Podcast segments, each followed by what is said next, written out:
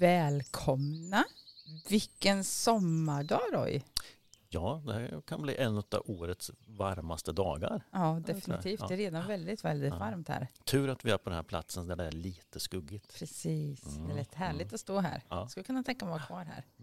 En bra bit av den här dagen. Var är Mm. vi? Var är vi då? Ja, men vi befinner oss ju på en idyllisk plats som hette, eller heter, Fabrikskullen. Mm. Ehm, nu mer kallar vi den rätt och slätt Hembygdsgården. Mm. Och varför gör vi det? Jo, alltså förklaringen, eh, förklaringen finns här då i en tidningsnotis eh, från den 21 december 1922.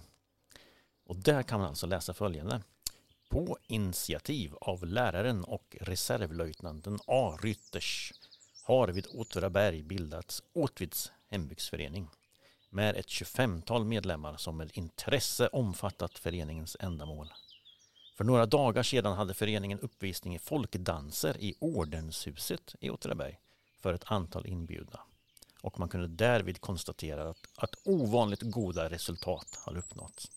Föreningens vars styrelse består av A. Rytters, H. Hellmar, E. Karlsson, Erik Andersson och fröken Ellen Karlsson.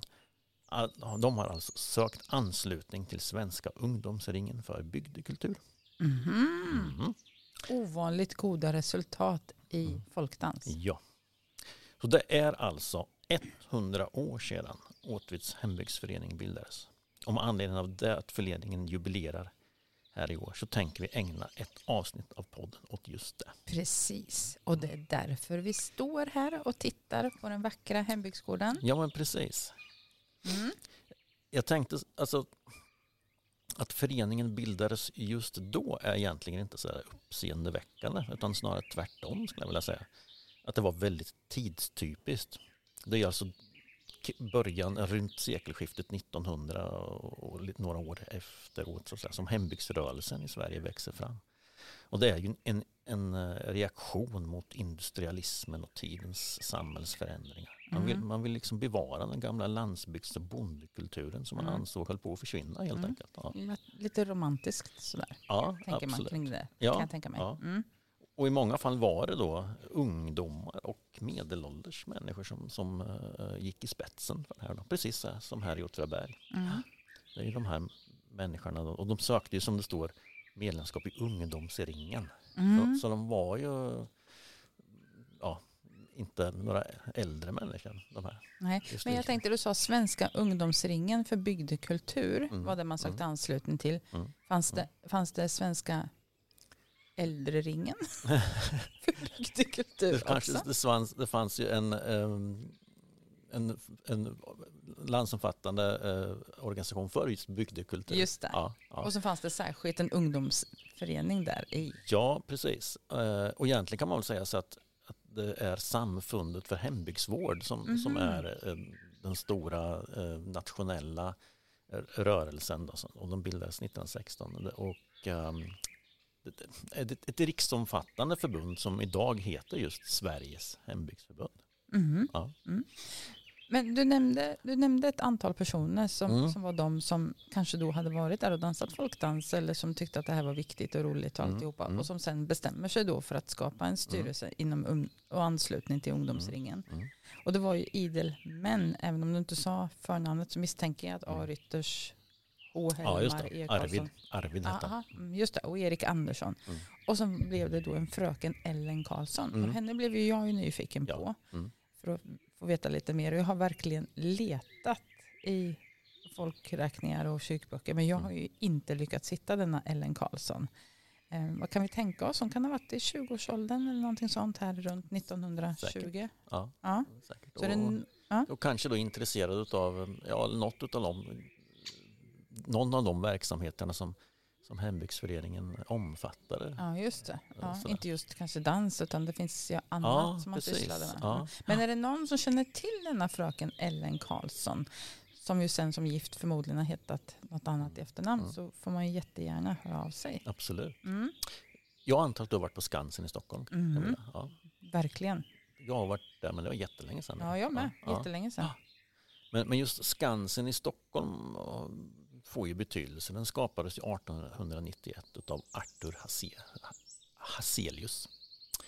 Eh, och just med Skansen som förebild så bildades då en mängd lokala bygdemuseer runt om i landet. Och de ersattes ju senare av då hembygdsgårdar. Mm. Och på de här hembygdsgårdarna visade och ska jag säga visar man främst då det lo lokala kulturarvet och bygdens särart. Det gamla bondesamhället i mångt och mycket skulle man kunna säga. Och idag, förstår du Camilla, idag finns det mer än 1300 sådana hembygdsgårdar i Sverige. Mm. De har liksom växt upp som svampar ur jorden. Mm. Är det fortfarande så att man bildar nya hembygdsgårdar? Eller för, mm. för hembygdsförening är en sak och hembygdsgård en annan, eller hur? Mm. Kan, precis. Mm. Och, och idag bildas ju hembygdsföreningar kanske i andra typer av um, områden mm. uh, än, än vad man tänker sig de här man tänker de här hembygdsgårdarna med, mm. med uh, röda stugor. Ja, ja, precis. precis. Men idag bildas ju kanske i, i, i yt, städernas ytterområden ja. och sådär. Ja, för en hembygdsförening behöver ju inte nödvändigtvis, tänker jag, ha en hembygdsgård. Nej, Nej. Nej utan den kan ju pyssla med, pyssla med annat. Ja. Mm. Mm. Så är det. En aktivitet som var väldigt framträdande hos många hembygdsföreningar i början av 1900-talet det var just, som, som precis som i Åtvidaberg, folkdans och folkmusik. Det tänker man ju inte idag. Nej, nej, det, att det där nej precis. Är grejen. Ja. Mm. Men man hade, som vi sa också, andra strängar på sin hembygdslyra. Mm. Eh, hembygdsvård, och det är det man förknippar kanske då med, med, med hembygdsföreningar idag. Då. Ja, och, men även då pysslade man här i Åtvidaberg med idrott och fotvandringar samt sång. Och det, det, är, det är inte någonting som jag förknippar med hembygdsrörelsen idag i alla fall. Vad fint, sa man fotvandringar? Fotvandring. Om det inte var en vandring till fots så undrar man ju vad det var för vandring. ja, det kan man ju fråga sig. Ja, men fotvandring. Ja. Men idrott alltså? Ja. Mm. För det hade vi ju andra föreningar till. Det ska väl fostra, jag tänkte att man, man skulle väl fostra de här människorna fysiskt. Det ja. det som var, och det låg nära dansen mm, säkert också. Mm, mm. Precis. Mm. Eh, och precis som för Åtvidabergs idrottsförening mm. som det också fanns för den här, här ja. tidpunkten och, an, och, även andra föreningar i Åtvidaberg så blev festerna ett sätt att finansiera verksamheten. Det är något som återkommer i många föreningar. Eh, idrottsfesten som OIF och senare OFF Eh, anordnade på Kopparvallen exempelvis. Mm. Eh, och Åtvids hembygdsförening de arrangerade varje år en sommarfest i Folkparken som varade i två dagar. Mm. Där de då drog in väldigt mycket pengar till, till, mm. till verksamheten. Och det här är väl innan man har en hembygdsgård? Mm, mm. Precis. Så då har man till i Folkparken? Ja, mm. ja. Och, och, innan vi tänkte att, att, vi, att vi börjar prata om själva hembygdsgården så ska jag väl nämna att Åtvids hembygdsförening länge var just den enda och nästan, eller nästan enda aktören som pysslade med Åtvidabergs historia och kulturarv. Mm. Ehm, så här finns ju då ett förnämligt arkiv där man har samlat eh, arkivmaterial, lokalhistoriskt arkivmaterial. Då. Ehm, och det finns ju då som vi ska återkomma till sen ett, ett museum eller flera museer eller hur man ska se på det. Mm. Sådär. Vi kan nästan se dem nu när vi står här och tittar. Mm, precis. Mm. Men så har ju också föreningen tagit hand om och jobbat med andra byggnader än just här på hembygdsgården. det tänker man kanske inte alltid på. Storgruvelaven i Bersbo. Eh, där, när den renoverades så var det ju hembygdsföreningen som stod bakom den utställningen som, som gjordes där. Eh, och i Bersbo finns också ett gammalt våghus. Mm -hmm. Och det är hembygdsföreningen som, som är huvudman. Eller då måste jag veta vad ett våghus är. Ett våghus är där man väger, man kör in med en vagn eller någonting och så väger, finns det en våg som man väger. Ja, där man där man har tänkt att väga. I det här fallet var det väl malm. Mm. Ja, och, kanske, och kanske lantbruksvaror som mm. skulle till lantbruket. Och så eh, föreningen var också en av grundarna till Åsa-museet. Eh, när, när, när Åsa Industrierna lade ner så, så skänktes ju den gamla maskinparken mm. till just till Åtvids hembygdsförening. Mm. Ja. Och sen bildade ett eget museum så, som, ja, så småningom. Precis, mm. ja. Eh, och i Ålunda magasinet där som som, som vi känner till. Där har ju föreningen samlat en mängd föremål från lantbruk och skogsbruk. Så, så hembygdsföreningen är ju mycket mera än, än, än bara just Det vi nu ser ja, faktiskt. Ja, ja. precis. Mm. Men vad ser vi nu då Camilla när vi står här och tittar vid husen i Ja, men det tänkte jag att jag skulle berätta. Mm. Eh, Men först tänkte jag, vet du att det inte var självklart från början att hembygdsgården skulle ligga här på, Fabrikskullen? Nej, det kan jag väl tänka mig att, att, eh, att det inte var. Att det fanns andra förslag? Ja, För, vi, för jag, tror, jag vet inte om du nämnde det, men själva hembygdsföreningen startar väl 22? ja. Mm, 1922. Och det är ju inte först 32 Nej. som man Mm. startar hembygds, eller som hembygdsgården blir till. Ja. Mm. Och då presenteras tre platser. För man har väl kommit på det här att man behöver ha som man egentligen kallar friluftsmuseum. Mm. Då. Mm. Det presenteras tre platser i Åtvidaberg som en person som heter Bengt Knatingius, chef för Östergötlands länsmuseum i Linköping, tillika konsulent för Östergötlands hembygdsförening, så att säga tar ställning till Mm. och rangordnar. Mm. Ehm, han har med andra ord då anlitats som just konsult när Åtvids hembygdsförening vill hitta en lämplig plats för sitt friluftsmuseum. Mm. Mm. Och det passar väldigt bra att Bengt just är den här konsulenten eller konsulten för att han är ursprungligen åtvidabergare tror jag. Mm. Mm. Och det finns alltså tre förslag. Kan du gissa eller till och med vet du vilka platser? Nej, för Mm. ja, det Mm. Jo, men jag vet vilka, alltså, jag vet att vilka, det fanns förslag. Ja. Eh, dels så fanns ett förslag på att man skulle ha hembygdsgård då vid ängen vid Krutkällaren. Mm. Och där ser man ju inte mycket äng idag. Man verkligen tittar. Nej, inte. så det är lite Nej. svårt att veta var någonstans där man har tänkt sig. Ja, ja. Eh, Hallaholm, Mm. och det är ju ett utmärkt förslag kan jag tycka. Det är ju en Mm. väldigt trevlig miljö. Och skulle säkert ha passat bra som hembygdsgård. Mm. Det beror på vad du tänker på, men vi kan återkomma Mm, till det. Mm. ja. Och så Ekängen eh, som ligger eh, bakom eh, Söderleden idag. ja, bakom stallet kan ja, man säga också. Ja, precis. Ja. Ja. Mm, mm. Och det man ska komma ihåg när man tittar på de här förslagen som, som man har då, det är att året var 1932. Mm. Det ser inte alls ut, precis som du var inne med gällande Krutkällaren, Nej. området där, Nej. som det ser ut idag. Och det är ju också så spännande, för man får ju en bild av. Mm. Eh, för som sagt, han, han rangordnar dem. Mm. Och han säger också att man bör hitta en plats som har en lantlig natur Mm. och som är avskild från samhällets bebyggelser i övrigt. Mm. Men man bör dessutom ha gott om utrymme eftersom man vill ha en del hus och faktiskt redan har ett hus som man- vill placera här. Ja. Mm. Och det ska kunna finnas utrymme för plantering och, och så. Och sen bör man också kunna uppföra en förenings och samlingslokal eh, Mm. utöver Mm. det här huset då. Mm, Och det ska mm, även finnas utrymme för en festplats. För precis som du säger så var ju den här framförallt kanske årliga festen viktig då. Ja. Sen ska ju Åtvidabergarna dessutom kunna ta sig till platsen. Mm. Utan allt för mycket krångel. Nej, precis. Mm. Det får inte ligga allt för avlägset. Nej, inte för avlägset men heller inte allt för nära. Och de platser han granskar och som alltså är föreslagna är mycket riktigt Hallaholm, Krutkällaren eller ängen vid Krutkällaren och Ekängen. Mm. Och nu då, Ja, vill du gissa vilken han föreslår som främsta? Vilken han tycker är absolut Ja, jag- bäst? Alltså Hallaholm kanske är lite för avlägset. Men Krutkällaren kanske? Jaha, det är första är det så? Ja. Ja. Ja.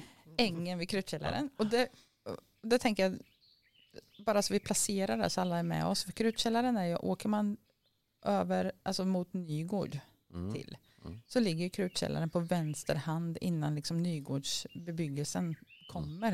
Mm. Eh, kan- vid den här långa backen upp Mm. till, de, till eh, de olika delar av Nygårdsvägarna. Ja. Där. Mm. Och det är ju totalt, det är fint runt om själva Krutkällaren men i övrigt är det väldigt mycket skog och, och sådär. Mm. Mm. Mm. Men han säger då att terrängen och markens beskaffenhet är en mycket lämplig. Det är vackert här, naturskönt och kuperat. Mm. Och det är bra ur kommunikationssynpunkt och med tillräckligt avstånd från samhället för att inte, och det här är ju jätteroligt, för att inte hotas av påträngande villabebyggelse. Och idag ligger det ju Ja, jättemycket ja, hus runt omkring.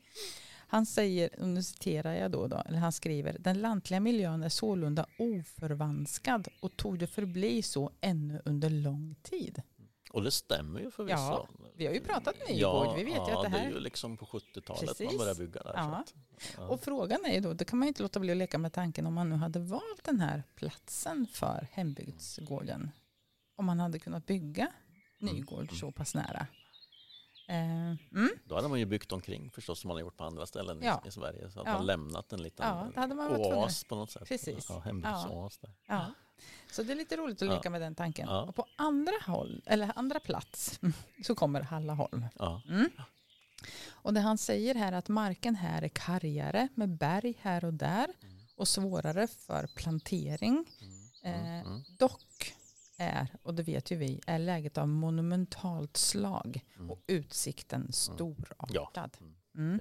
Avståndet från samhället är inte stort, men på grund av den starka stigningen så är den avsevärd. Mm. Det kommer vara, Mm. Man kommer vara ganska trött. När man, Ja. du var glad, Mm. vara glad att det inte var dit vi skulle gå upp idag. Då. Nej, precis. Ja. Och så säger han också att från sydost tränger villabebyggelsen in mot området och verkar här ganska störande. Mm. Det stämmer ju för man börjat bygga på Bergsgatan. Ja, och, Precis. så. Mm. Men vi jag ska återkomma lite till det här. På tredje plats så kommer då Ekängen. Mm. Mm. Och han säger bara en, en enda mening kring Ekängen. Då detta område berövat sitt vackra ekbestånd är inte längre att räkna med. Nej. Nej. Han dömer ut sådär. helt Totalt. alltså. Ja. Mm. Och det kan ju som vi sa då tyckas lite märkligt att i fallet med krutkällaralternativet så nämns krutkällaren, själva byggnaden förstås. Den ska mm. liksom ingå och finnas där lite i- i kanten av hela Mm, det här. mm. Eh, men i fallet med Hallaholm så nämns inte torpen Nej. som ju finns där Ja, och som jag ja, tänker mm. man spontant känner man ju, de De- borde ju verkligen ingå. Ja, och som finns på plats. Man slipper finns flytta, på plats, man flytta. slipper flytta. De hade ju varit perfekta som byggnader att liksom börja med och utgå ifrån. Mm. Så då kan man ju fråga sig varför, varför gör det inte det? Mm. Och men ni som har lyssnat på podden tidigare vet förmodligen varför. Det är ju så att de sista permanentboende att flytta in i torpen här är ju Olof och Sara Svensson som flyttar in sommaren 1935. Mm. Det bor alltså personer där Ja, det är fortfarande. ju fortfarande bostäder. Det är en bostäder. Ja. Och de flyttar alltså därifrån 1950. Så det här det är ju inte den platsen i Hallaholm som, som är aktuell. Nej. Den plats på Hallaholm som föreslås är höjden öster om järnvägsstationen. Så jag börjar fundera på om det inte är flaggstångs, Mm. flaggstångberget som Ja. vi också varit inne på som Ja. faktiskt är. Och då är det ju verkligen brant. Ja. Men man benämner det alltså ändå som Hallaholm. Mm. Mm. Mm.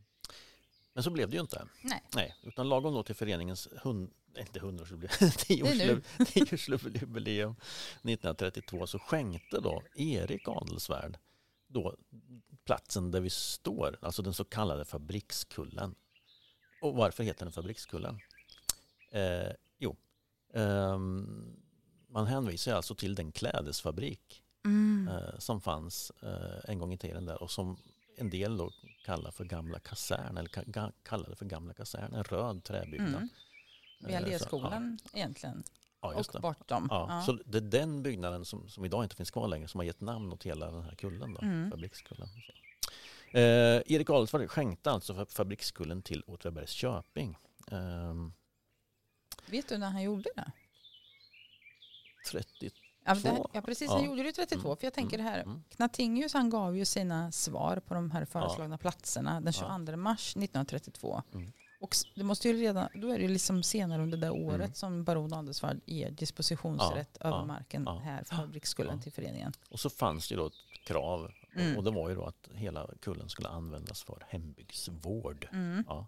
Och, och om användningen då ändras, och det här står ju fortfarande kvar har jag förstått, Mm. eh, att an, om användningen ändras eh, så ska området gå tillbaka till familjen Adelsvärd. Och, och det här blev ju problem då för Åtvidabergs köping i mitten av 60-talet då när man byggde Alléskolan Mm, såklart. på en del av den här som, fabrikskullen som det kallas för. Och då skedde det då, för att klara av det så skedde man ett markutbyte eh, och som resulterade i att hembygdsföreningen fick tillgång till hela kullen. Eh, alltså inte den del som är Alléskolan men resten av kullen, ungefär 37 000 hektar. Mm. Precis, och jag har faktiskt läst den här markupplåtelsen. Och det, är ju, det, är ju, det disponeras, eller vad säger man? Han, han, eh, det finns ju flera villkor i Mm, den mm. faktiskt. Och det blev nästan så att jag blev rädd för att, om jag skulle säga dem. För jag funderar på, lite på hur, hur, hur väl man följer dem idag så jag inte väcker någonting här. Ja. Men föreningen fick ju avgiftsfritt begagna sig av marken och Mm. den cirka 125 meter långa vägen in till området. Mm. och det står någonting där i markupplåtelsen att den, vägen lämpar sig nu bara för en häst och vagn. Då när han, om man får lov liksom att bredda och Mm. göra ordningen till, en, till en, en väg att köra bil på. Mm. Eh, men det man säger också är att föreningen ska verka för att sprida kännedom om gammal svensk bygdekultur, särskilt våra folkdanser, lekar och folkvisor, allmogemusik, hembygdsdräktens och hembygdsminnenas vård och betydelse. Mm. funderar jag på om man gör idag.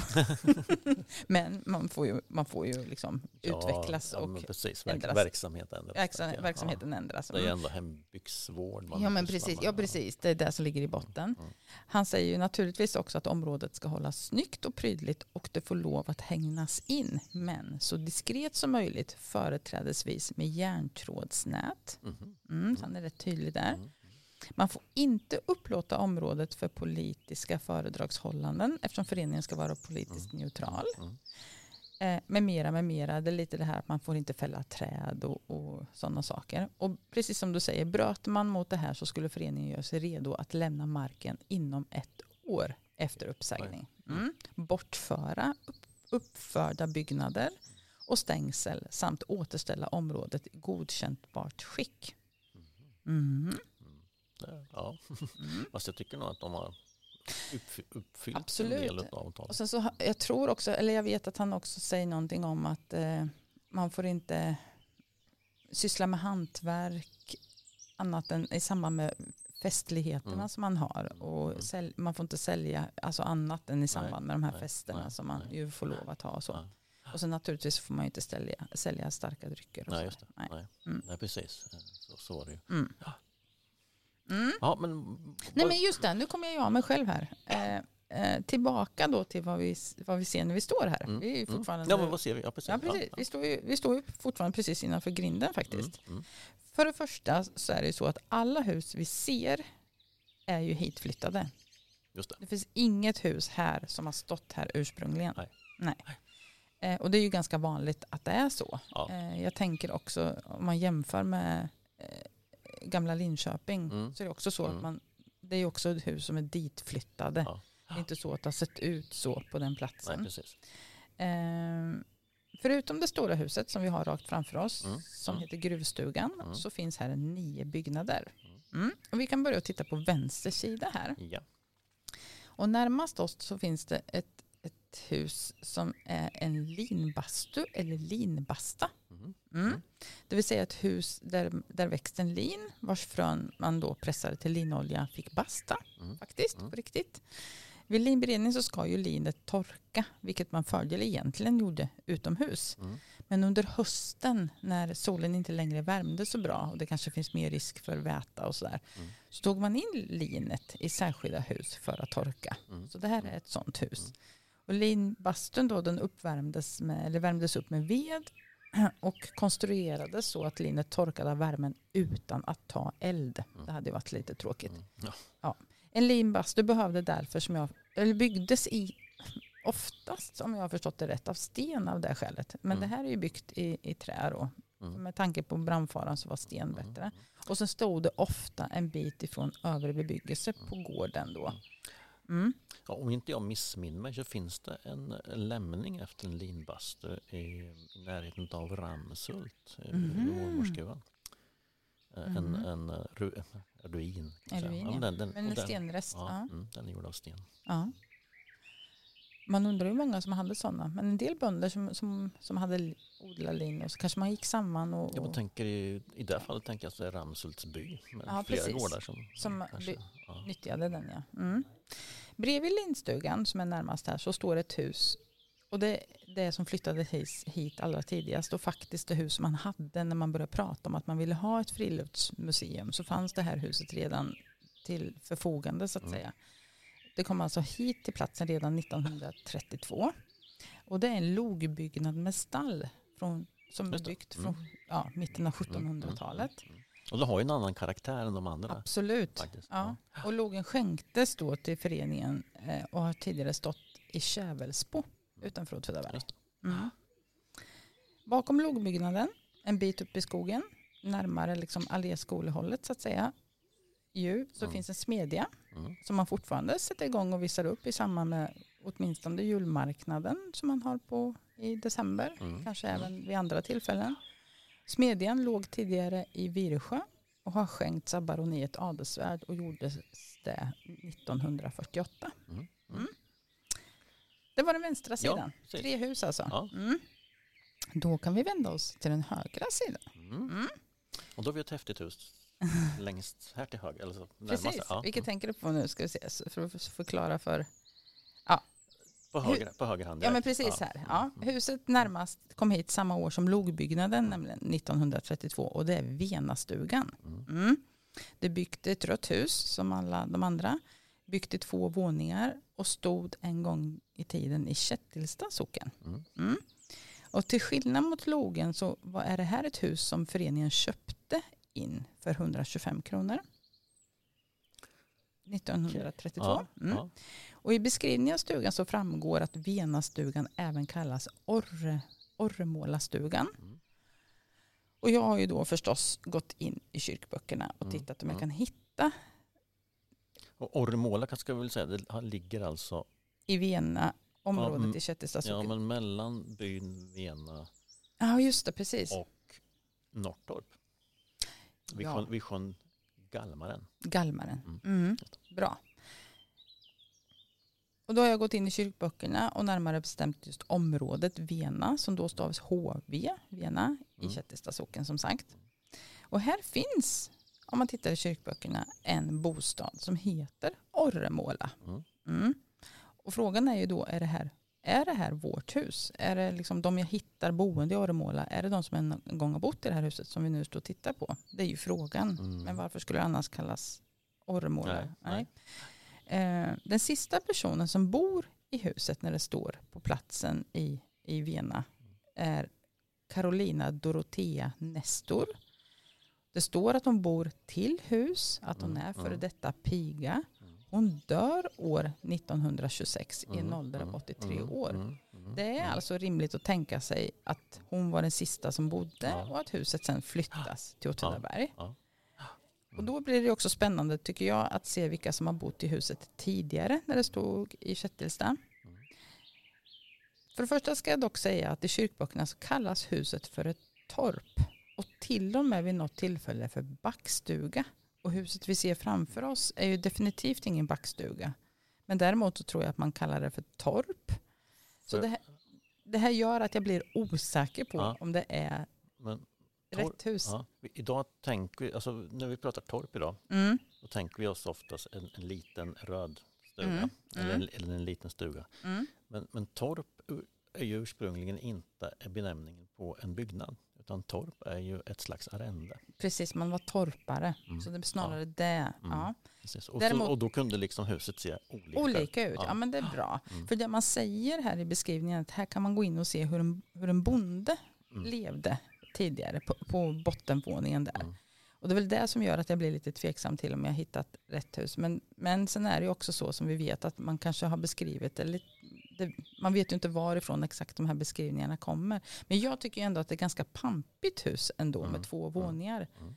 Eh, men det vet vi ju också att de här torpen kanske från början hade en våning. Mm. Och så byggde man på. Så byggde man på. Mm. Vilket man i och för sig tror, jag tror att det är vanligt att man gör det på 30-talet. Mm. Men i det här fallet så kan man ju ha gjort det tidigare. Mm. Mm.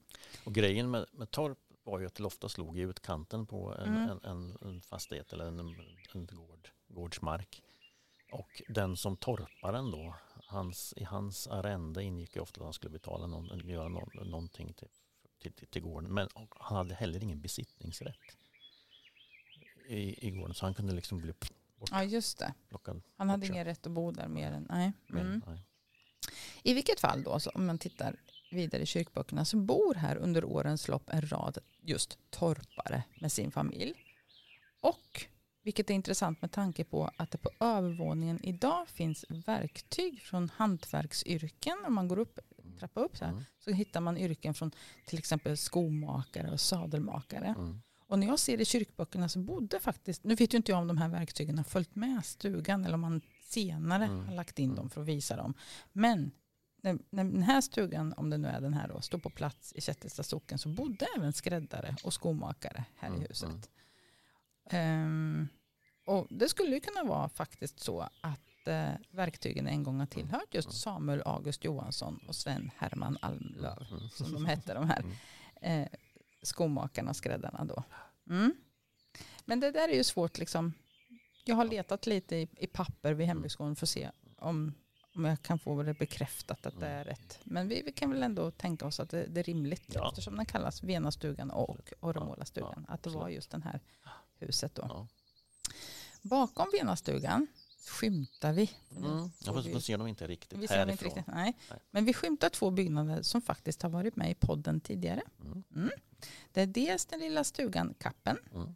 som tidigare stod på Verksgatan. Mm. Som det idag heter då. När den stod där så hette det väl fortfarande Bruksgatan tror Ja, jag. Mm. Eh, och som mor Bergqvist bodde i. Just det. Mm. Emma Bergqvist, mor Bergqvist var ju föreståndare för Luffarhärberget. Mm. Huset som idag fortfarande ligger kvar längst ner på höger sida på Verksgatan, alltså mot parkeringen till. Mm.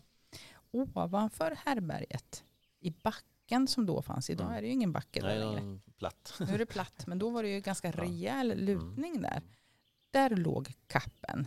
Och jag hittade ju en händelse som utspelades på Gamla torget 1921 och som kan sägas påbörjades i Emmas lilla stuga. Mm, Hela just här händelsegrejen. Och den, den händelsen inkluderade ju även ett litet stall. Mm. Och jag har anledning att tro att det lilla stall som idag står bredvid kappen och som vi alltså ser skymta här då, eh, är just det stallet. Mm. Åtminstone så vill jag väldigt gärna tro det. Men det här är ett stall som tidigare stod, vet jag ju då, vid Gamla torget och tillhörde handelsboden, alltså Rotens Rots. bod. Mm.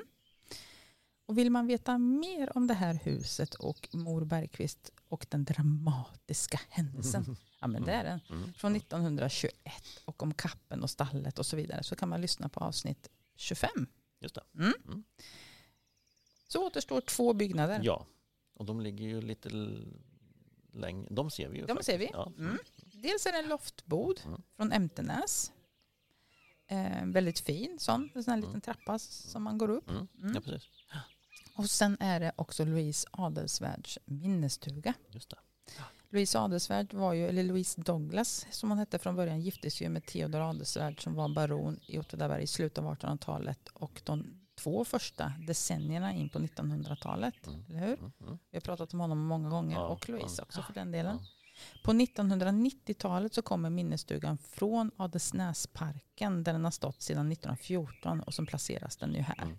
Och jag tänkte att jag ska berätta lite mer om minnesstugan men nu tycker jag faktiskt att det är hög tid att vi går in i det stora huset. Just den det. tidigare gruvstugan. Ja. Mm, Då gör vi det. ja, Ja. Då står vi alltså här innanför dörrarna. mm. Här har man ju varit Just på lite fester. Ja, Har du det? precis. Ja, absolut. Eh, den är ju, och den tänker jag att den, här, den är kanske känd för många åtvidabergare just tack vare att man har Oh ja. Fester och middagar. Ja. Och Ja. Så här. Oh ja. Eh, ja. Men Det man inte ser när man... Ja, precis. Ja. Men berätta om huset. För det, det, man vet ju inte så mycket om det mer än att det är ett väldigt Nej. praktiskt bra hus att ha bröllopsfester och Ja, andra fester ja. i. Ja. Men det har ju alltså från början stått, det är också hitflyttat, Mm. och har ju från början stått i Bersbo. Mm. Och var ju då gruvarbetarbostad. Mm. Eller gruvarbetarbostäder ska jag säga, för det var flera gruvarbetarfamiljer Just det. som I det här huset bodde inte en, en gruvarbetarfamilj. Nej, utan det bodde ju nio tror jag. Ja. Ja, om man inte minns helt fel här. Mm. Och går man då in, eh, vi står i en slags eh, eh, hall eller vad ska vi kalla det Ja, för? tycker jag. eh, Kapprum finns det också ja, till höger här. ja, mm. Mm. Men om vi går vänster in till storstugan Mm. som heter så Mm. kan man ju nästan se rumsindelningen här i taket. Mm. Eh, Man kan se hur de har bjälkarna. Eh, De här standardbostaden som var då en fyra gånger fem, fem Ja, gånger just fem det. meter.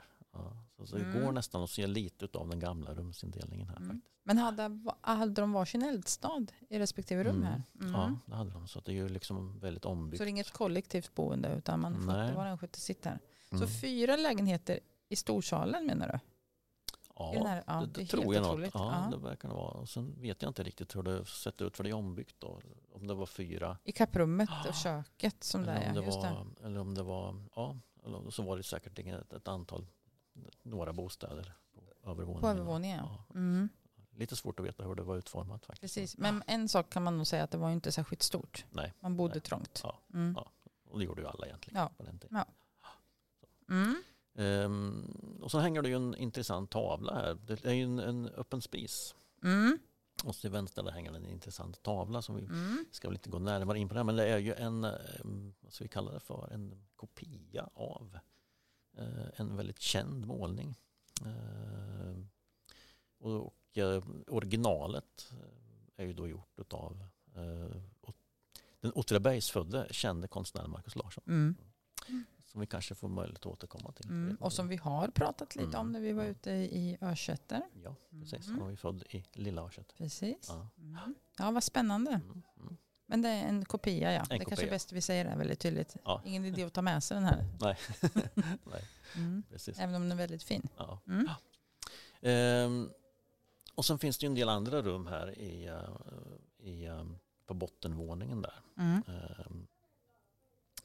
Men jag tänker att vi ska väl kanske ta trappan upp. Mm. För där har vi ju då faktiskt, där vi pratar om eh, de här museirummen. Mm. Ja, det är nå- det är någon som utanför. Ja, det är nog någon som är Ja. på besök här Ja, ute i ja, minnesstugan kanske. Tittar. Mm. Men du, jag tänkte bara säga en trappa upp. För det står ju inte öppet om man är här och har en fest. Nej, precis. Nej, Utan där måste man ju komma hit när hembygdsföreningen själva har öppet. Har öppet. Då kan man gå upp och titta. Ja, men precis. Och Ja. jag tror också, att- jag vet inte om jag törs säga, men jag tänkte man kanske kan fråga om man får komma och titta och de öppnar upp. Nej, det är nog särskilda dagar som de har för detta kanske. Ja, Mm. eh, det törs jag inte heller svara Nej. på. Nej. Däremot kan man väl säga att passa gärna på om ni inte har varit, för det är- Mm. ju faktiskt helt fantastiskt Ja, där uppe. ja. Så nu, nu tycker jag vi går upp. Vi går upp. Ja. Mm.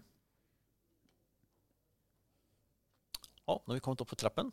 Ja. Mm. Eh, vad ser vi här?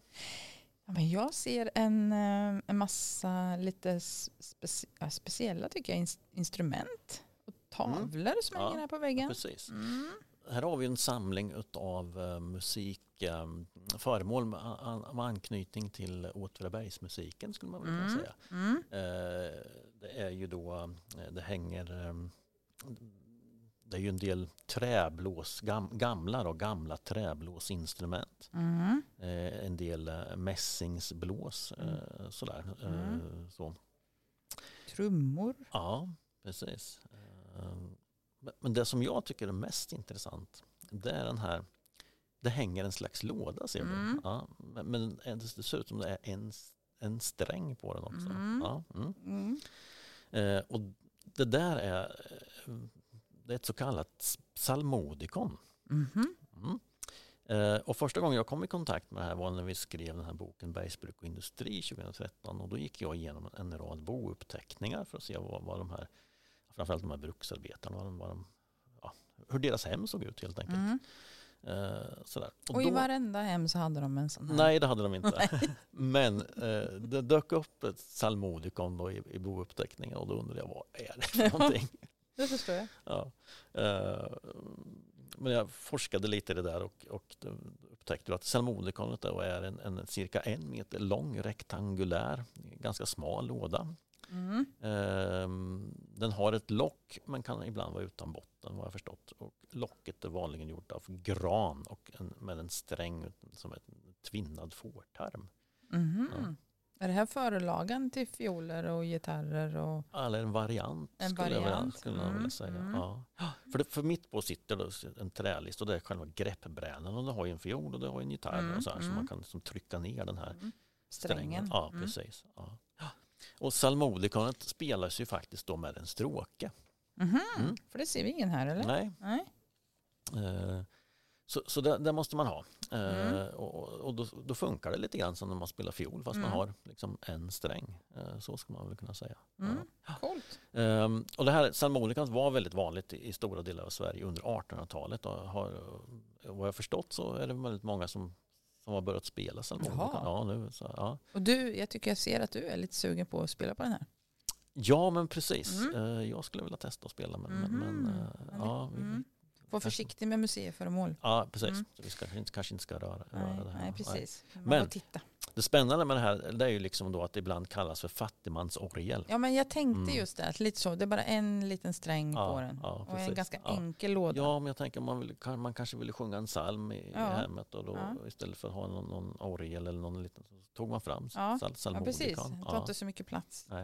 Men jag, jag tänkte, det finns ju faktiskt en liten, några inspelningar så här som man kan Mhm. lyssna på. eh, på ja. så, så jag tänkte vi ska eh, vi kan lyssna på, på hur, det, hur det faktiskt låter. Gärna.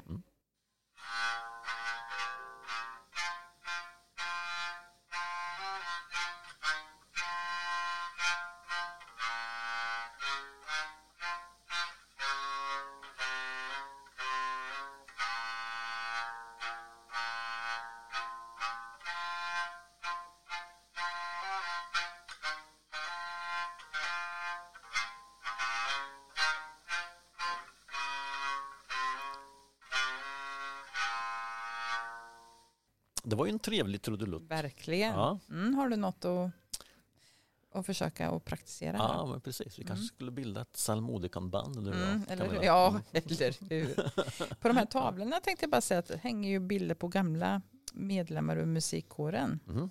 Och musikkåren, precis som hembygdsföreningen, fyller ju 100 år. Ja, men precis. Mm, Ja, så vi de, kan- är, vi de är samtida. de är samtida. Ja. Och det är ju ingen slump Nej, naturligtvis. nej. Eller Eh. samtida på så sätt att eh, själva kåren i den Mm. utformning den har idag fyller Mm. 100 år. Sen Mm. har ju... Musiktraditionen är mycket, mycket längre. Ja, Mm. men precis. Så ska Men det, vi kanske inte ska ägna det mer för det kan vi ha anledning att Det återkomma till. Ja, men det är ju ett potentiellt eh, Ja, poddavsnitt. eller hur? Vi har ju Faktiskt. faktiskt Ja. också fått frågan om musiken i Åtvidaberg. För ganska länge sedan fick vi den frågan. Mm. Så det här är väl ett ypperligt tillfälle när det nu kåren Mm, fyller 100 år. mm, Man kanske mm. återkomma. Absolut. Ja, Ja, vi ja. lovar inte med säkerhet. Nej, men, nej, eh, mm, mm. Ska vi sen liksom gå, vi kan väl ta till vänster in Ja, här men i precis. rummet. Ja, som och, är- och där mm. har vi väl kanske eh, det, det som är lite känt, eh, en av de sakerna som, som hembygdsgårdsmuseerna är liksom kända för, det så kallade Torinrummet. Mm. Och då måste vi kanske förklara för, för, um, för de som inte vet vem den här, den är Torin, vem det är. Eh, Det är alltså Åtvidaberg skulle jag tänka mig kanske mest kände fotograf, eh, Johan Emanuel Torin. Eh, Och, och, och rummet här då, eh, det är ju egentligen en utställning av kameror och fotoutrustning och den är lite lik en fotoateljé. Mm. Jag vill säga. Den är Mm. lite ordnad så att den ska likna lite en, en, en fotoateljé så att säga. Och det är alltså en föremålssamling efter då folkskolläraren och fotografen Johan Emanuel Turin. Mm. Ehm, han var som sagt var utbildad lärare när han kom till Åtvidaberg här i början på 1890-talet. Mm. Men fotograferandet upptog också väldigt mycket av hans tid. Han etablerade ett eh, foto, en fotostudio, ett fotoföretag skulle man väl kunna säga. Eh, han byggde först en studio vid Klockarängen och så, så, så småningom så byggde han, eh, kunde han bygga ett helt nytt, eh, en helt ny bostad med eh, en fotoateljé som man kop- så här, var sammankopplad med, med huset. Så, och, Mm. den, och den står fortfarande kvar idag på, Mm. på Klockaregatan. Nej, jo, Klockaregatan heter den. Ja, det Ja, heter ja. det? Precis i hörnet egentligen. Man Klockaregatan, Slevringevägen. Ja, Ja, mm, precis. det är ju Torins hus. Ja, mm, Det stora röda. ja, precis. Eh, han ägnade sig då mycket åt porträttfotografering. Det var på något sätt lite grann grunden i hans rörelse. Eh, sådär. Men eh, inte bara det. Eh, utan han tog också landskapsbilder. Han tog bilder av miljöer och människor och arkitektur. Och, alltså han fick flera utmärkelser för sin fotografiska konst vid utställningar. Eh, han tävlade en hel del eh, med sina fotografier. Bland annat så, så fotograferade han för Svenska turistföreningen eh, Eh, och fick priser i, deras tävlingar 1900 1902. Han fick ett, bland annat fick han ett stort resestipendium 1904 eh, så man kunde åka runt i Sverige här och, och fotografera. Bland annat så, så eh, åkte han till sin hembygd Blekinge eller sin hembygd där i Blekinge och tog en hel del, eh, eller södra Småland, Småland och Blekinge och tog en hel del foton eh, från landsbygden där då. Eh, så. Så det finns, hans, hans samling, eh, det är inte bara föremål, utan hela hans fotosamling finns då bevarad här i Åtvidaberg idag. Det är ungefär 6 500 miljöbilder, 1500 bilder från industriverksamheten här i Åtvidaberg och hela 26 000 porträtt. Mm. Alltså, Eh, och porträtten var inte bara han som tog utan hans dotter Ingeborg eh, fortsatte verksamheten efter Johans död 1930. Mm. Var det just var det framförallt porträttbilder hon tog? Ja, inte hon tog, andra? Ja, hon fotograferade lite annat men, Mm, men, men, men mest, ja, Mm. mest är det Mm. porträtt. Ja. Ja. Har du någon familjemedlem som är avporträtterad av Ja, Turin? Och det är så himla märkligt för, för att när jag tittar i den här porträttsamlingen för första gången, den, den finns alltså nere i kommunarkivet, Mm. och då jag tog på måfå upp en, en sån här kartong och tittade på den, då står det liksom då eh, Konrad Andersson, Nej. eh, Bruksgatan med familjen. Och så. Nej. Ja, så det är ju min farfar som... Nej men åh, vad Ja, häftigt. Otroligt märkligt. Ja. Jag har ju lite samma typ av upplevelse faktiskt, Mm, kommer jag tänka mm. på nu.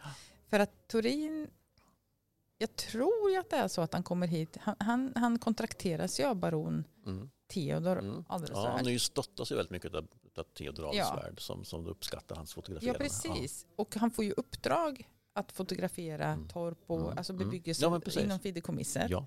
Och gör ju det 1922 och framförallt 1928 så åker han Mm. runt. Och han gör ju det även i, jag tror även han är i Bjärka Bjärka Säby, det finns en stor eh, eh, samling Bjärka Säby-foton då Ja. också. Ja. Eh, så.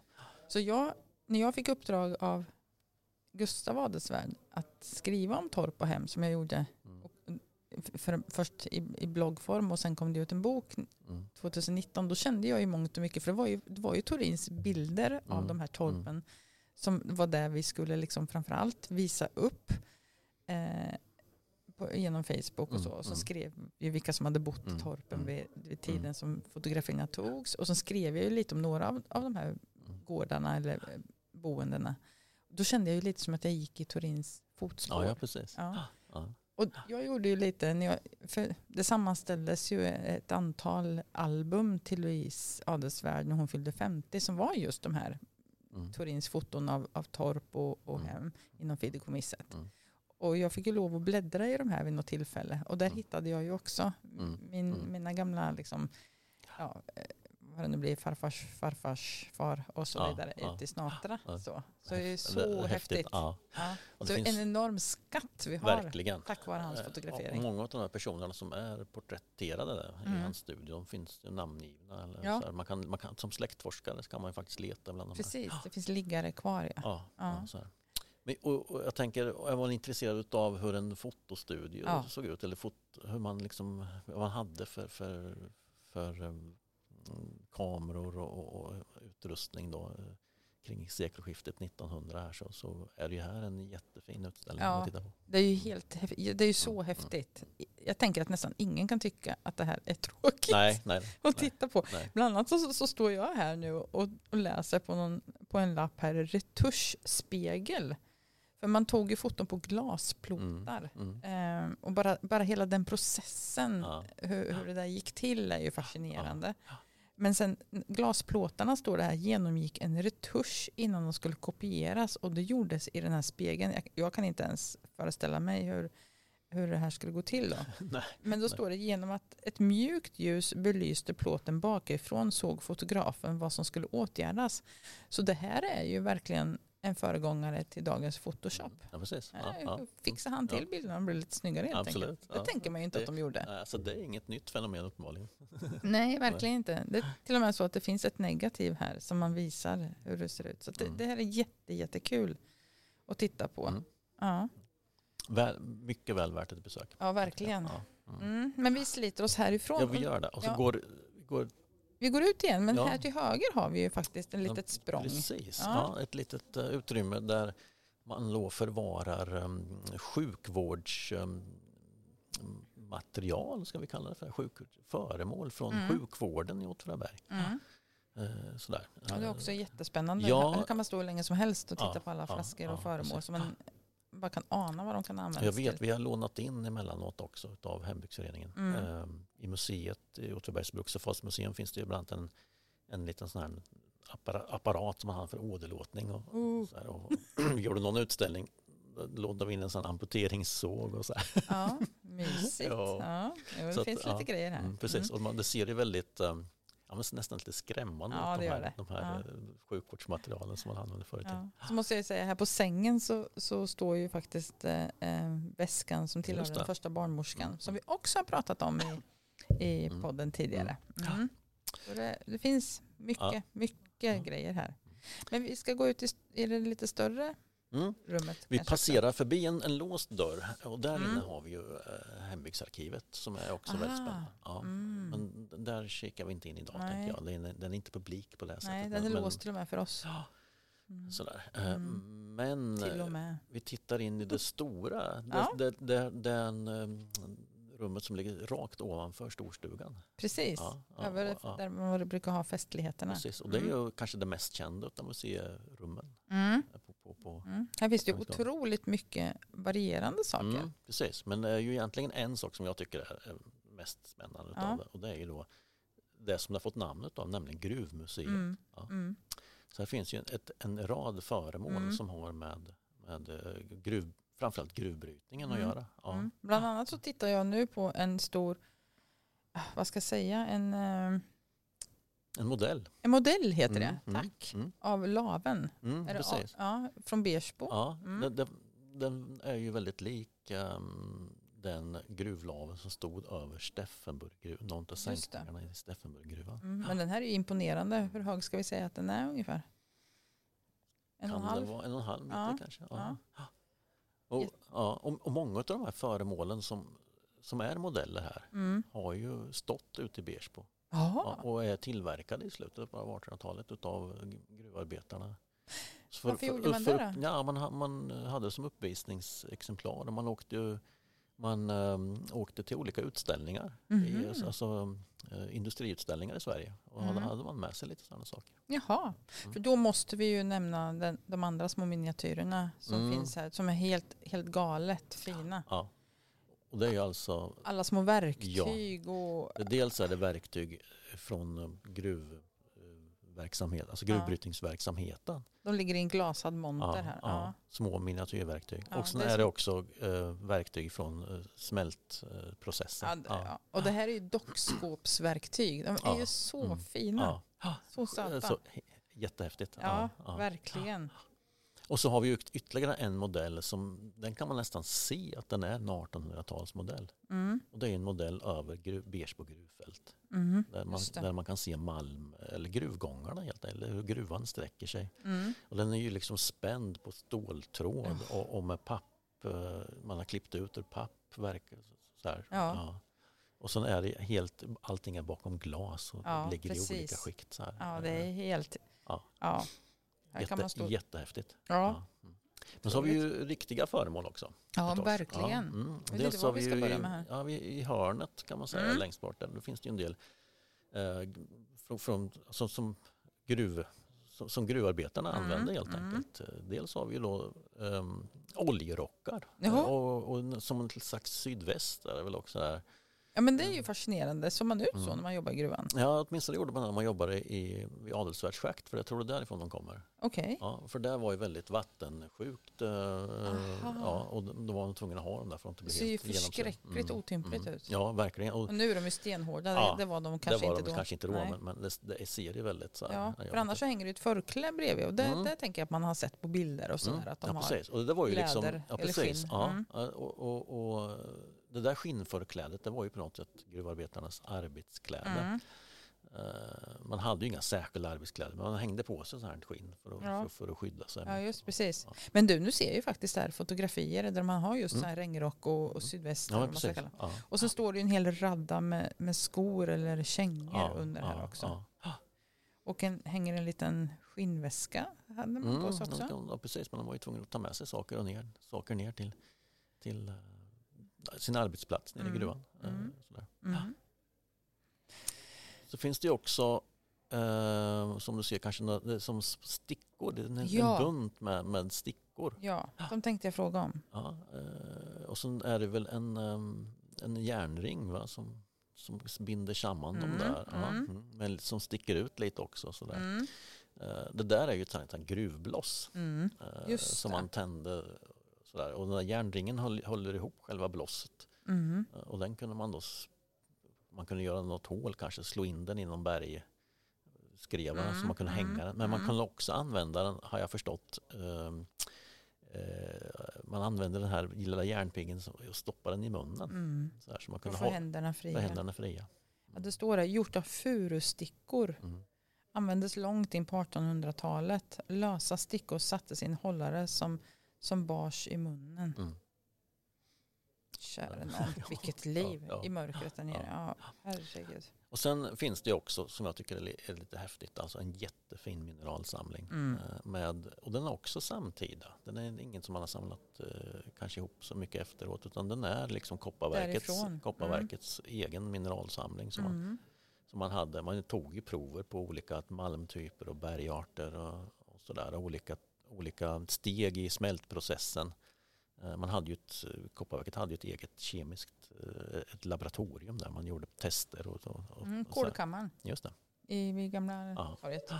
Och här kan vi se alla de här proverna. Eh, Det finns garkoppar, det finns eh, eh, skärsten och det finns lite olika malmtyper. Och så här. Ja. Jag- Jag tycker det är lite häftigt faktiskt. Ja, framförallt så är de ju så otroligt vackra. Mm, mm. Vilka färger Ja. och vilken lyster. Mm. Suluslagg från Ja. Edshyttan. Ja. Vad är suluslagg? Vet du det? ja, det är ju en slagg efter en, en del i processen som kallas Mhm. för sulsmältning. Jaha, ja, slagg visste jag ju. Men Ja, jaha, Ja, suluslagg. det- Man genomgick i olika steg Ja, eller just det. för, för att utvinna koppar. Då. Eh, Ganska lång och knepig eller segdragen process. Ja. Sen har vi då en del andra saker som kanske inte har med gruvverksamheten att göra som man ändå har ställt upp här. Dels har vi lite vapen så jag sett. Jaktvapen och Mm. pistol och så här. Gam- Gamla vapen. Och så har vi då en mängd bruksföremål med, som man använt sig av i hushållet egentligen. Ska man kunna säga. Eller på olika Mm. sätt. Så här.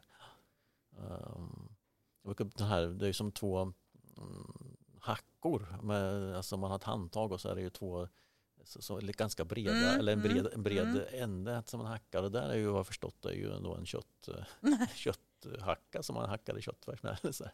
Herregud. Ja, här, här kan man ju verkligen stå Mm. och fundera på vad sakerna är. Ja men Och Det finns precis. ju beskrivet. Ja, ja. Men du, jag måste bara säga här, tillbaka till laboratoriet. Här står Mm. ju en, f- en imponerande laboratorievåg ja, precis. i en glasmonter. Ja. Så himla Ja. fin. Så det är ju föremål då ifrån, ifrån som man har Ja. samlat Ja. till sig. Så, här. Så kan man titta till höger så ser man den gamla telefonväxeln här. Med. ja men precis. Ja. Den blir man ju lite Ja. intresserad av att pilla Mm. på. Massor med knappar. Mm. Mm. Mm. Ja, gud vad spännande. Mm. Ja, Mm. precis. Ja. Jä- Jättefint, eh, jättefina utställningar. Ja. Verkligen. Men Ja. ja, då kanske vi ska lämna gruvstugan. Mm. Mm. Låser du? Japp, jag, Ja. gör det. jag Och fixar det. vet vart nyckeln ska hänga? Mm. Mm. Den ska, ja precis, var, ju där vi tog den. Ja, just det. Ja. Ja. Mm. Mm. Nu, nu har ju vi pratat om en massa hus som har flyttats hit till, ehm, till Mm. hembygdsföreningen. Mm. Men vet du, jag bara slog mig nu, det här måste jag komma ihåg att säga till dig. Eh, vet du vad jag fick veta häromdagen? Nej. Du vet ju apoteket på Apotekargatan. Vi pratade i förra Det som, avsnittet ja, att det det fanns en som klubb där. på, det, det som idag är parkeringen till. Precis, det huset finns inte kvar. Men apotekshuset stod ju där Mm. och det gjorde man ju så småningom 1974. En, en väldigt kort tid så fanns det en klubb Oscar det. där. Det Mm. pratade vi om ehm, i förra avsnittet, Mm. poddavsnittet. Det huset så småningom tillsammans med de andra husen på, Mm. Mm. som låg här på där parkeringsplatsen till Ica är och revs ju ner. Mm. Eller revs ju, det vet vi ju. Men vet du vart de dumpades? Mm, Nej. Jag vet ju inte om det här är helt sant, men jag tror det. I Göstas hål. Jaha. Göstas hål Ja. har vi inte pratat om på jättelänge. Nej. Men vi var ju väldigt inne på och lite Ja. smått besatta av Göstas hål ett tag. Ja, ja precis. Ja, och det pratade vi om för första gången tror jag i poddavsnitt Mm, tre. mm, Och sen försökte vi ta reda på mer varför det kallas Göstas hål. Men Mm, Göstas mm. hål är ju alltså Göstas park. Ja, Ja, just det. Den, Eh. och den, vad ska vi kalla det för? Soptipp som, det var ju som, som, soptipp som där. fanns där. Och sen ja, är det ju dessutom så att jag bor ju på Göstas väg idag. Mm. Ehm, och vi försökte ta reda på mer varför det kallas för just Gösta. Om det var någon Mm. pojke som hade Mm. omkommit. Fanns det liksom någon som Mm. sa och Mm. sådär. Eh, men det får ju mig att tänka att jag har ju apoteket någonstans i marken Ja, under precis. Till och med under, under ditt Ja, nu bor jag ju ganska nära en bergshäll så, Okej, så nej. tyvärr så är det väl inte Nej. riktigt så. Men det är helt fascinerande. Och eh, då undrar jag också, är det, är det så att det var apotekshuset som flyttade? För det är också flyttat Mm, om jag jag har förstod förstått att till. det är flyttat ifrån, var en av flygelbyggnaderna till Adelsnäs gamla herrgård. Ja, som man sen flyttade hit till parkeringen och som nu ligger och begravt Mm. i Östershål. Ja. Fascinerande. Ja. Ja. Men nu, nu har vi kommit ut igen och så Mm. står vi nu på, på trappan Mm. till gruvstugan Mm, och tittar ut över, Mm. ser ner mot grinden. Ja. jag lovade att jag skulle återkomma till Louise Adelsvärds minnesstuga. ja, som nu ligger till vänster. Precis. Bra. Och som flyttades hit från Adelsnäsparken 19, på 1990-talet. Mm. Eh, Det var ju så nämligen att Louise Adelsvärd hade bestämt sig för att hon ville ha ett litet hus och samla gamla saker i. Mm. Eh, Föremål som hon hittade bland annat på auktioner. Eh, Så vid något tillfälle så måste hon ha fått syn på det här huset och sen då 1914 flyttat, låtit ska Mm. vi säga, det flyttas till Adelsnäsparken. Så Mm, det här, mm. det här huset stod inte från början i Adelsnäsparken. Nej, det, har flyttats ett par gånger förstås. Ja, det har flyttats ett par gånger, Innan det hamnade här. Ja. närmare bestämt två, Mm. jag. Så hon måste ha fått syn på det huset där det ursprungligen stod i mormorsgruvan och tyckte att det här var ett lämpligt hus för henne. Mm. Att, att flytta till Adelsnäsparken och sen samla de här gamla föremålen i, i sann bygdekulturanda Mm. Ja, som ju då var så på Ja. liksom, i ropet. Då. Ja. Och huset heter från början Bakom. Mm. Mm. Det finns ju ett Bakom ute i mormorsgruvan idag också. Och det är på den platsen som det här gamla bakom stod. Sen på 1850-talet så byggs det ytterligare ett hus och det står ju kvar Mm. där idag. Men det här flyttades alltså 1914. Och det finns alltså gamla bilder från 1900-talets början när Louise Adelsvärd besöker huset i mormorsgruvan där det ursprungligen stod. Okej. Och Ja. hon besöker också den sista personen som bodde permanent i huset och som hette Kristina Katarina Björkman. Och Kristina Katarina hon bosatte sig i torpet år 1859 då hon då gifte sig med torparen Karl August Björkman och där i den vevan så byggs det nya bakom så de kommer i själva verket från början att bo i stora huset eh, och sen när hon när deras barn tar över så flyttar hon då som har blivit änka ut i det Det lilla blir som ett litet undantag. det är precis det det är. Det är ett litet undantagshus där. Mm. Men man körde ju inte ut då Kristina Katarina från huset utan man lät ju henne bo kvar. Man Mm. hade identifierat att det här huset vill man ha och flytta. Men man, man väntar ju då tills hon gick bort och det gjorde hon 1914. Då plockar man ner huset och så flyttar man det till Adelsnäsparken. Ehm, och jag nämnde tidigare här att jag hade skrivit eh, om torp och bostäder Mm. som hör till baroniet. Mm. Den här från Adelsnäs till Österby heter den ju. Mm. Och det berättade jag, har jag med bland annat just bakom. Just det. Ehm, och det finns ju flera historier och precis som i fallet med ehm, när jag letade efter Ellen Karlsson och så vidare så har jag gått tillbaka och Orremålarstugan så jag har gått Mm. tillbaka i kyrkböckerna för att Mm, se mm, vilka som har mm. bott där. Och bland annat så stötte jag på en Lovisa som bodde i torpet. Mm. Ehm, hon arbetade som piga i Groveda. Jag kommer inte ihåg vart jag ligger. Det är jättedåligt av mig. Men det är inte i Åtvidaberg utan det är utanför någonstans. Jag undrar om det inte är Kärsta socken. Kan det vara kanske. Ja. Och där träffade hon i alla fall. Det är tämligen just nu oviktigt. Men hon träffade en, en man, en kille skulle vi säga idag. Som hette Petter Bodvidsson. Och de förälskade sig varandra. Och de gifte sig just i Kärsta kyrka. Han, han jobbar som dräng här i Groveda. Ja, Men okej. kom ifrån Åtvi och närmare bestämt från bakom Ja. i mormorsgruvan. Ja. Så det var liksom hans föräldrahem. Ja. Så de gifte sig 1846.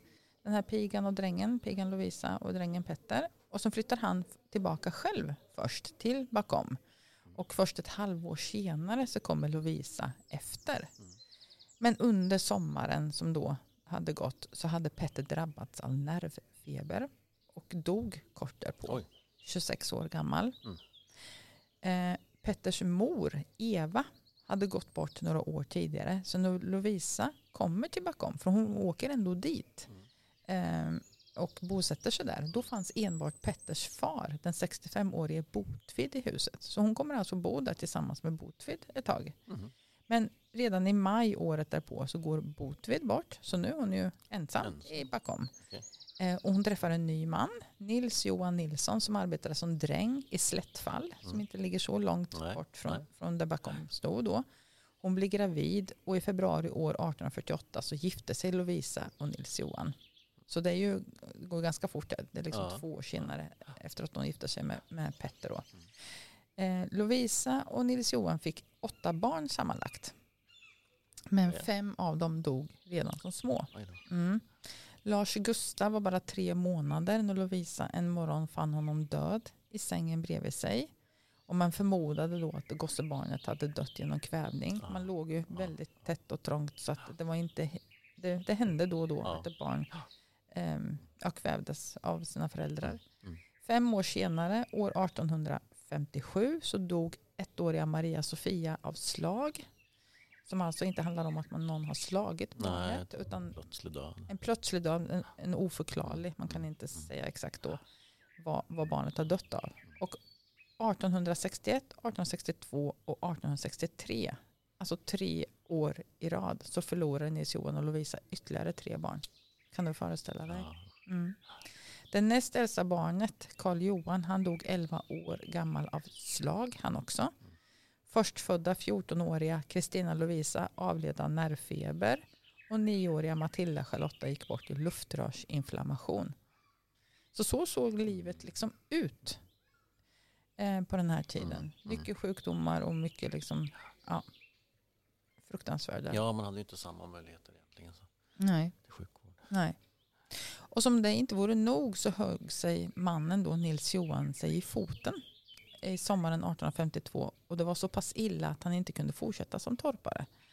Eh, Så år 1867 så flyttar paret Lovisa och Nils Johan med sina tre kvarvarande barn till Närsta lantbruk. Och året därpå så utvandrar de till norra Amerika. Samtliga. Allihopa Ja. som var kvar. Mm. Så det är lite historien om, om vad som Ja. man står här Ja. vid Backom och tittar på huset så kan man ju också minnas Lovisa och Nils Ja, och barnen som en gång bodde här. Det är ganska idylliskt där. Ja, det är ju Men det. det har ju inte alltid, Nej. livet har ju inte alltid varit så för de som har brukat husen, Nej. så ska man väl kunna säga. Sen ska vi bara säga att inne i huset så finns ju de föremål som Louise och faktiskt senare hennes dotter Anna Sparre samlade på Mm, sig. Mm. De finns ju kvar så man har ju skänkt huset och sakerna som, Ja. som hon samlade in, eller de samlade in på auktion och så vidare. Mm. Och sen kan man ju, de, hembygdsföreningen brukar ju öppna upp Mm. husen Mm. vid olika tillfällen och då ska man ju verkligen passa på Mm. Och gå in. och gå in och titta. Man får titta huka hur sig de, här, ja, men, hur de, ja men precis hur de här människorna, hur man har bott, hur man har Ja. levt sina liv. Alltså det, Mm. det är något totalt annorlunda Mm. mot vad vi Verkligen. Ja. Och precis som i Gruvmuseet så finns det i minnesstugan väldigt mycket föremål Mm. att titta Mm. på. Ja, Jättemycket. precis. Mm. Ha, Mm. eh, trevligt. Ja. Vilken trevlig stund vi har haft här. eh, Den här jättefina sommardagen som Mm. det verkar bli här. Mm. Eh, Jag tror att vi kom hit lite tidigt. Ja, faktiskt. det var väldigt varmt. Ja. Men, och då tycker jag att in, innan vi slutar då för den här gången så tycker jag faktiskt att vi ska uppmana alla våra lyssnare att komma på Hembygdsföreningens 100-årsjubileum. Mm. Eh, och det ska alltså vara helgen lördag, söndag den 20 och 21 augusti. Ja, passa på och komma hit och titta på allt det vi har Ja, pratat precis. om Och då själva. fylls hembygdsgården av aktiviteter med musik och hantverkare. Och, Ty det får man ha i samband med festligheter. ja, exakt. Ja, alla museer är öppna. Ja. Ja, och man Mm. kommer ha lite olika gam, gam, alltså, så, saker som man gjorde förr i tiden har jag Ja. förstått. Ja, lite så här. Så man kan köpa. Mm, precis. Mm, om man vill. Eh, Trycksaker, godis, fika. De brukar ganska gott fika. Ja, de brukar ha väldigt gott Mm. fika. Det finns ju några där som är så här, bakar Mm, bullar ja. och grejer. Mm. Och så kan man ju då se allt det här som vi har pratat om. Ja. Slipper, eller slipper, man, man, man kan ju se det med egna ögon. kan se med säga. egna ja, ögon. ge- inte, inte genom våra ögon. Man kan hitta andra saker som man själv tycker Ja. är mer spännande än det som vi gör. Precis. Det var ju ett urval av det vi tyckte var lite kul. Ja, ja, Ja. verkligen. Ja. Jättekul. Men då hoppas vi, för, tänker du gå dit? Jag tänker dit, ja. Mm. Mm. Jag med. Alla dagar i veckan. Ja. Tänker inte alla dagar utan lördag, söndag 20 ja. 21 Ja, augusti det. så tänker jag Ja. också gå dit. Ja. Men då tycker jag vi rundar av här. ja, det gör vi. Ja. Ja, då säger vi Hej då!